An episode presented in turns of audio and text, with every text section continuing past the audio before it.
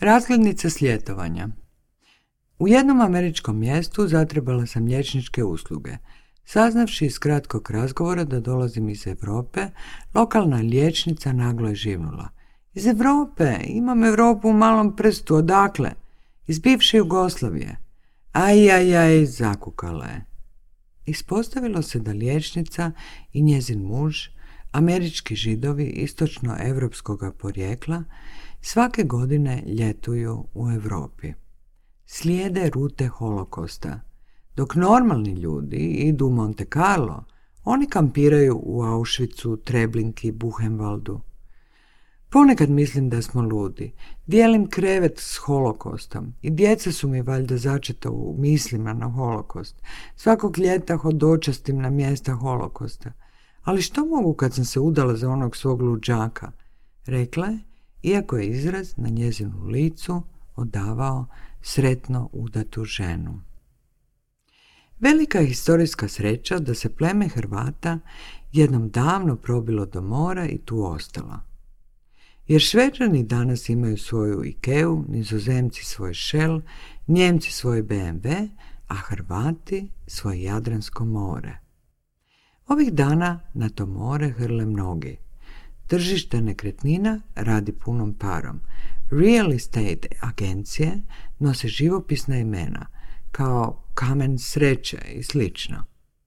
U potrezi za Mediteranom, kakav je nekada bio, Hrvatskom su ove godine prošetali i lijepa jordanska princeza i princeza od Monaka i Sharon Stone i John Malkovich i nezaobilazna Ivana Trump. Gliseri i jahte zuje po lijepom plavom jadranu kao muhe. Hoteli izgledaju pristano, a marine u stvarnosti odgovaraju svoj slici u turističkim katalozima. Cvrčci živahno cvrče, kažu živahnije nego u bivšoj komunističkoj Jugoslaviji, sunčane zrake su doduše jače, ali su to postale i kreme za sunčanje sa zaštitnim uva faktorom. Tajkuni se trgaju oko ono malo preostalih bivših komunističkih sindikalnih odmarališta da uginu posljednji trak mračne prošlosti u kojoj su si i radnici mogli priuštiti ljetovanje na moru. Nema više ni Srba i to je velika sreća. Njihove vikendice s kojima su bili okupirali Hrvatsku obalu već su odavno minirane, otete ili prisilno otkupljene za malu paru.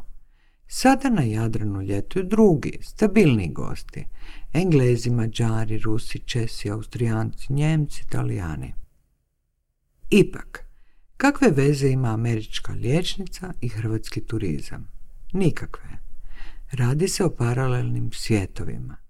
Naš svijet, stvarni i mentalni, isprepleten je gustim mrežama paralelnih svjetova.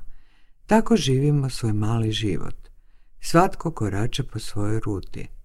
Jer kada bismo samo načas zamislili da između paralelnih svjetova postoje prolazi, nastao bi mentalni kaos. Zato, barem što se mentalnog prometa tiče, baratamo metaforama. One su naša obrana od košmara. Ovog ljeta Prisjetila sam se američke lječnice i to na brodiću koji me je vozio s otoka Krka na jednodnevni izlet na goli otok. Našla sam se u nevelikoj grupi kolega, književnika. Pridružili su nam se australijski Hrvat i lokalna slikarica. S nama je u svojstvu vodiča krenuo i profesor povijesti. 82-godišnjak, bivši politički kažnjenik. Na golome odsjedio tri godine. Ljudi njegove sorte i beovci, golači, danas su rijetki, izumiru, a ni zatvora više nema. Goli otok je kao zatvor za političke kažnjenike, inforbirovce, služio tek nekoliko godina, od 1949. do 56 s vremenom je bio pretvoren u regularan zatvor, a 80 i neke zatvor je konačno raspušten. Kažnjenici su tokom tri desetljeća izgradili cestu koja povezuje otok, posadili su crnogorišno drveće koje se s vremenom razraslo u šumice, izgradili brojne zgrade, upravnu zgradu koju su kažnjenici zvali hotelom, zatvorske spavaonice, radionice, kinodvoranu, tenisko igralište, bolnicu, pristanište, tvornice. Na otoku se nalazio jedan od najvećih jugoslavenskih kamenolama. Zatvorenici su bukvalno tucali kamen. Goli otok bio je prisilna zajednica kažnjenika i čuvara koja je sama sebe izdržavala. Nakon službenog zatvaranja zatvora, stanovnici okolnih otoka godinama su krali i odvozili sve što se moglo. Da su mogli cestu smotati kao tepih i nju bi uzeli pod mišku i ponijeli. Prvo što smo vidjeli po silasku s broda bio je improvizirani pristanišni restorančić. Palo mi je na pamet da bi trebalo kupiti bocu s vodom. Profesor nas je, međutim, ubrzanim korakom povukao za sobom i mi smo pokorno krenuli za njim.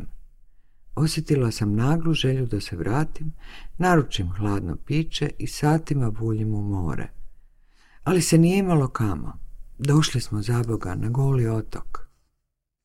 Iznureni vrućinom i vlastitom imaginacijom koja se upinjala da zamisli strahote o kojima je profesor pričao, jedva smo lovili dah.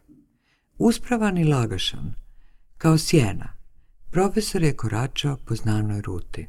Od pristaništa i upravnih zgrada do spavaonica i radionica, od cementare do bolnice, od bolnice do blagovaonice. Umjesto perfekta, profesor je u govoru upotrebljavao prezent.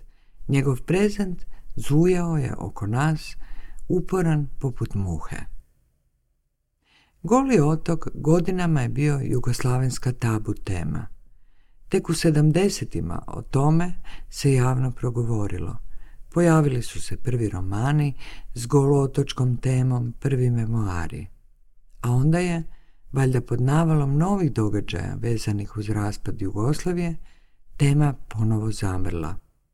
Mnogi su, barem u ovim novim vremenima, iz golog otoka mogli izvući moralni profit a ipak nisu. Pitala sam se zašto. U jugoslavenskom gulagu umrlo je začudo malo ljudi, nekih četiri tisuće kažu, i to mahom od bolesti tifusa i dizenterije. Goli otok nije bio zamišljen kao mjesto istrebljenja, nego kao strašna i sramna škola uzajamnog ponižavanja. Svatko je istodobno bio i krvnik i žrtva. Zato je profesor u jednom trenutku skromnosti pripomenuo da je eto i on u jednom trenutku bio udario nekog zatvorenika. Udaram ga, moram, šta ću drugo, rekao je profesor u svome upornome prezentu. Dok je profesor govorio, ja sam pogledom ulovila na nekom zidu stari kažnjenički grafit. Mi gradimo goli otok, Goli otok gradi nas. Pravo na sjećanje ostvaruju žrtve, a ne krvnici. Kolači su bili prisiljavani da budu i krvnici. Zato je, između ostaloga, među zatvorenicima i po izlasku iz zatvora vladala zavjera šutnje. Australijski Hrvat, koji je prilikom obilaska otoka nepristano nešto jeo, rekao mi je sve je to strašno zagledat. Kad bi mi barem dali da otkupim jednu od čelija. Ne, ne, ne mora biti moja. Pojma nemate kako bi ja to sredio. Kao bombon. Kada sam ja bio tu sve se sjajilo. Prali smo svaki kamen. Mogli ste lizat spoda koliko je sve bilo čisto. Ispostavilo se da je i australijanac bio golootočki kažnjenik. Ovdje sam, rekao je na jednoj uzvišici, obujmljujući pogledom blistavo more, ovdje sam se ja patio, a sve zbog onog krvoluka, onog diktatora, majku mu jebem komunističku, čak sam mu i pjesme morao pjevat dok sam tucao kamen. Jel znate onu? I tu je australijanac pročistio grlom i zapjevao jakim skladnim glasom Ide Tito preko Romanije. Mislili smo da će nam Australijanac otpjevati samo stih, ali on je ponesen otpjevao pjesmu do kraja. Zatim je izvodio mobilni telefon i nekome, valjda u Australiji, objašnjavao gdje se trenutno nalazi. What a lovely day! Doprlo je do mog uha. Australijski Hrvat nije bio i Beovac. Pogranična jugoslavenska služba Uhvatila ga je dva puta pri pokušaju ilegalnog prelaska granice. Zbog toga je na golome proveo godinu dana. Nakon što je pušten iz zatvora, ponovo je ilegalno prešao granicu, toga puta uspješno, i krenuo za Australiju. Ovo je, nakon tolikih godina, bio njegov prvi povratak u domovinu. Australijanac me dirnuo. Zbog hrane koju je stalno vadio iz ruksaka, Zbog domaćinske brige koju je pokazao za mjesto svoga zatočeništva i sama sam se lovila u misli da bih najradije zasukala rukave i sve to počistila i zbog neuspješne demonstracije svog golootečkog poniženja. Izmaklo mu se davno prinudno pjevanje u slavu krvoloka i diktatora pretvorilo se u njegovu vlastitu grlu u demonstraciju gotovo fizičkog zadovoljstva. Da, mi gradimo Goli otok, Goli otok gradi nas. U hrvatskoj štampi objavljen je napis o tome da je na Golome otoku snimljen gay porno film u hrvatsko-mađarskoj koprodukciji. Novinske fotografije snažnih momaka s kacigama na glavama i pijucima u rukama podupirale su istinitost napisa. Spustivši se s uzvišice na mjesto gdje su bile kažnjeničke spavonice, naletili smo na njemačku filmsku ekipu koja je Goli otok izabrala kao setting za snimanje porno filma. Od porno zvijezda uspjeli smo vidjeti samo najdrskiju, zgodnu djevojku u tanjušnim crnim gačicama koja je uvijela tijelo ispred bivše kažnjeničke spavonice. Lokalna slikarica, prijateljica australijskog Hrvata, nije izdržala. Znate li vi gdje se nalazite? Obratila se djevojci na njemačkom jeziku. Kamerman se tiho povukao u pozadinu. Djevojka je u odgovor ravnodušno slegla ramenima. Kako vas nije stid? Šećete se tu goli na mjestu gdje su poginule tisuće mučenika. Zašto nju napadate? Nije ona kriva. Pokušala sam intervenirati. Kako nije kriva? Ta nema u glavi nimalo političke svijesti, brecnula se slikarica. Sramite se, obratila se djevojci. Djevojka je još jednom slegnula ramenima. Snimate porno na mjestu gdje leže kosti patnika, bila je uporna slikarica. Gola djevojka se napokon trgla iz ravnodušnosti. No porno, art! Rekla je tako odrešito da smo joj svi načas pozavidjeli na visokom umjetničkom samopouzdanju.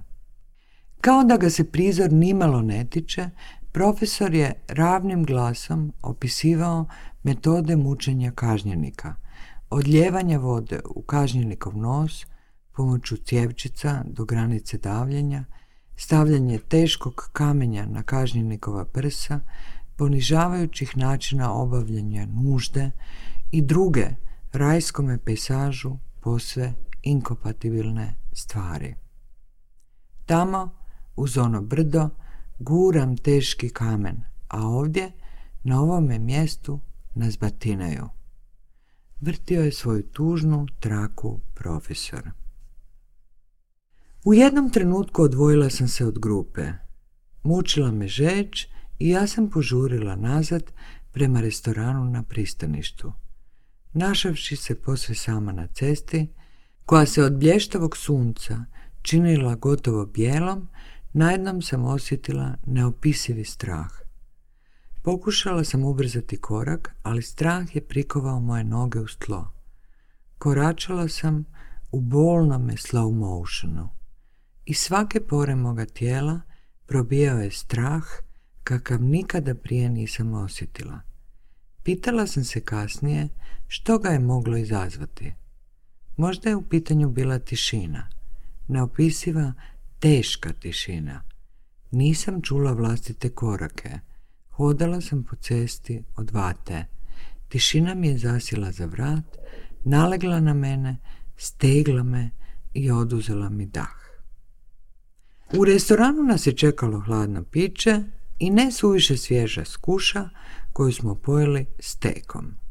Nedaleko od mjesta gdje smo sjedjeli stajao je improvizirani štand sa suvenirima.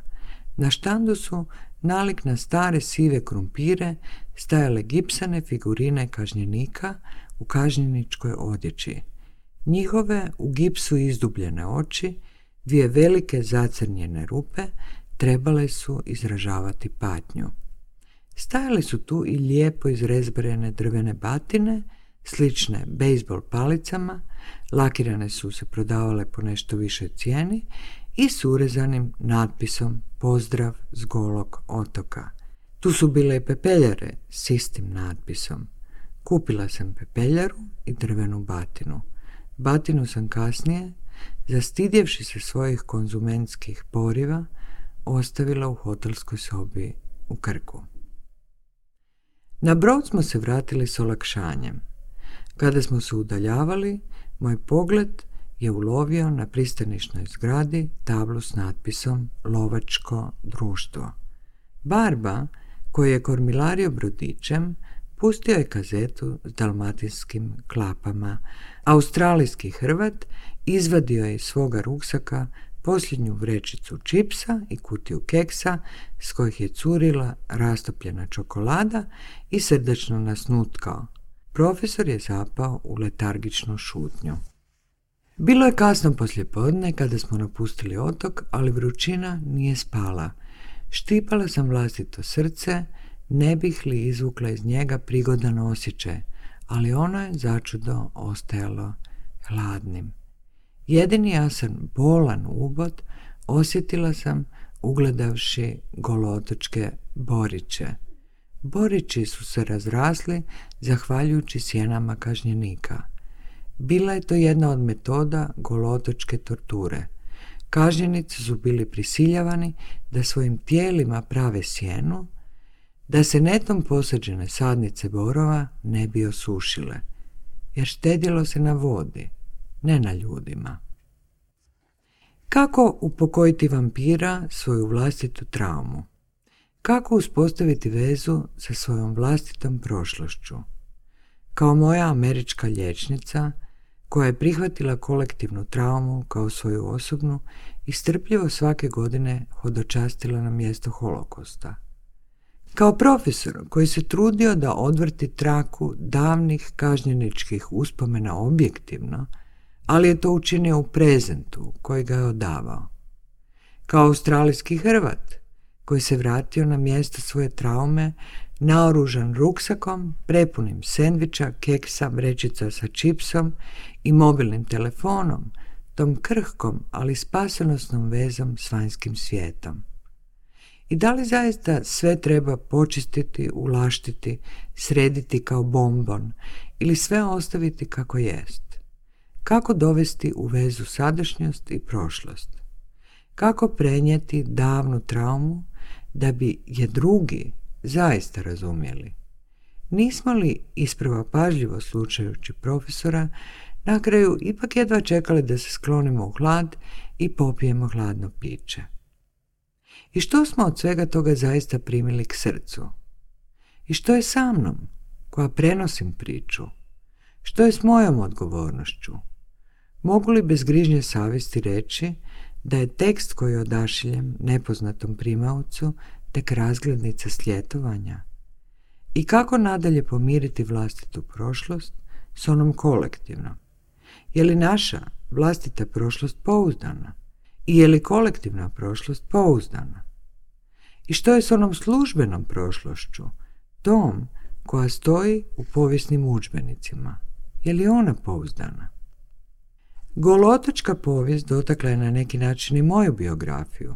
Rođena sam 1949. godine, dakle dijete Inform Biroa.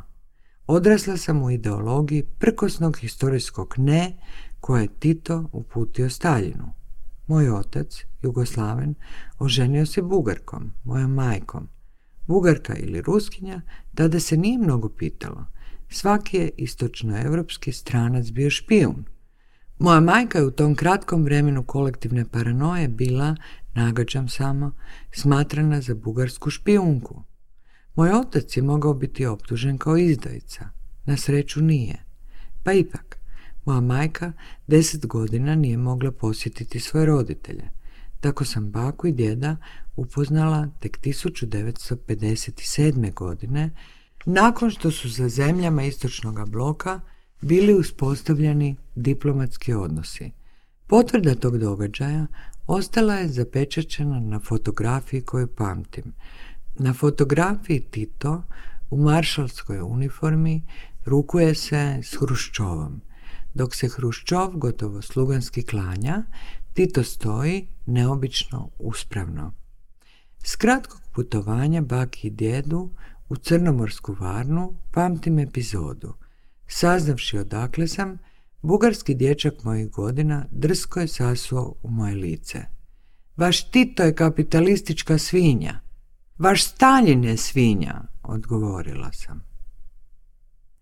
Osoba s antropološkim senzibilitetom postavit će pitanje kako to da Hrvati, zapravo svi balkanski narodi, koji sve svoje kolektivne obsesije vrte oko grobova i groblja nisu već godinama u stanju od gologa otoka napraviti muzej žrtvama komunizma, na primjer, tim više što većina baš u titoističkoj Jugoslaviji vidi glavnog krivca za sve potonje nesreće.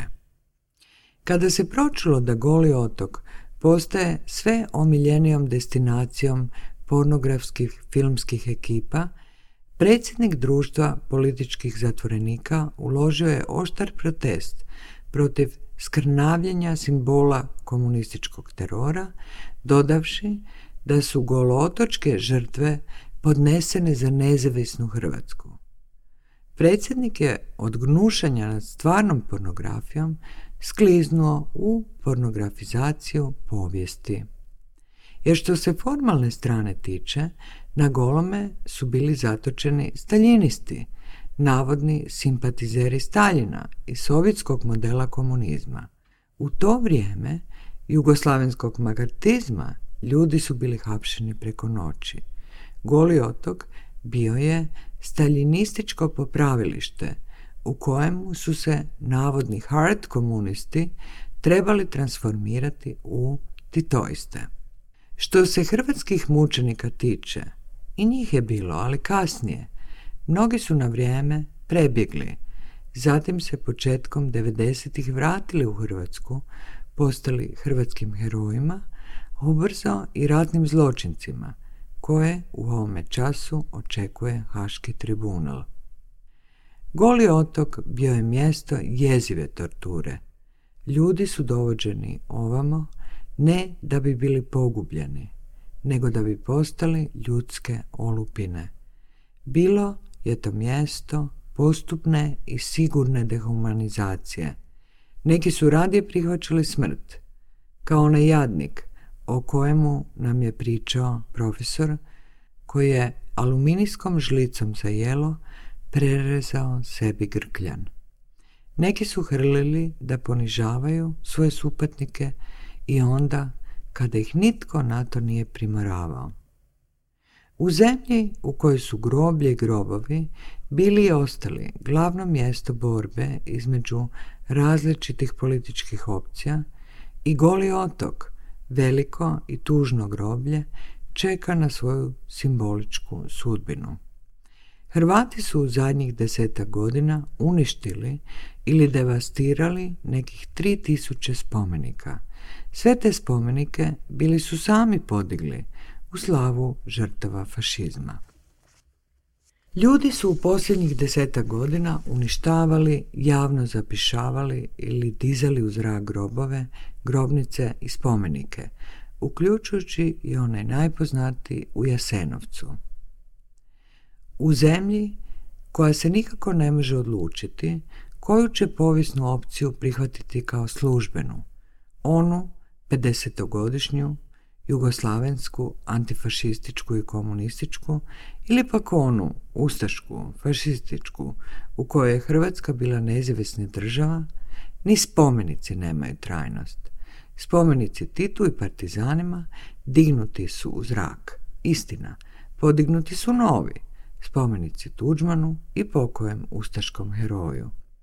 Ni ti novi ne mogu računati na trajnost, jer bit će dovoljan antifašistički mig Evropske unije i Hrvati će ponovo morati upaliti fitilje. Život se pokazuje boljim i mudrim piscem od drugih koji na tu ulogu pretendiraju, od političara, diktatora, vojskovođa, povjesničara, falsifikatora, politikanata, boraca za ovu ili onu opciju, lažava, kriminalaca, ubojica, pa i samih pisaca. Ako ništa drugo, život iznalazi bolje i točnije metafore, a i njegov smisao za ironiju ostao je nenadmašan. Tako je život, zatvorivši metaforu, privukao na goli otok seks radnike porno industrije. Sadomazohistički umjetnički proizvodi profitiraju na postojećoj golootočkoj scenografiji. Na napuštenom kamenolomu, na mračnim zatvorskim čelijama, na posuda razbacanim zarđalim kosturima kažnjeničkih kreveta, na sivim kamenim pročeljima zgrada ukrašenih grafitima. Na terenu nekadašnjeg mučilišta danas cvjeta domaća porno radinost i zvecka sitan i prljav novac. Život bi nagađam sljedeći putanje druge metafore mogao dovesti na goli otok i lovce. Tabla s natpisom Lovačko društvo, koju je moje oko ulovilo prilikom odlaska s otoka, najavljuje i takvu mogućnost. Lovni turizam je veoma profitabilan, kažu. Na Mediteranu, kakav je nekad bio, na otoku Krku, turistički profiteri naselili su divlje svinje, kojih na Mediteranu nikada nije bilo.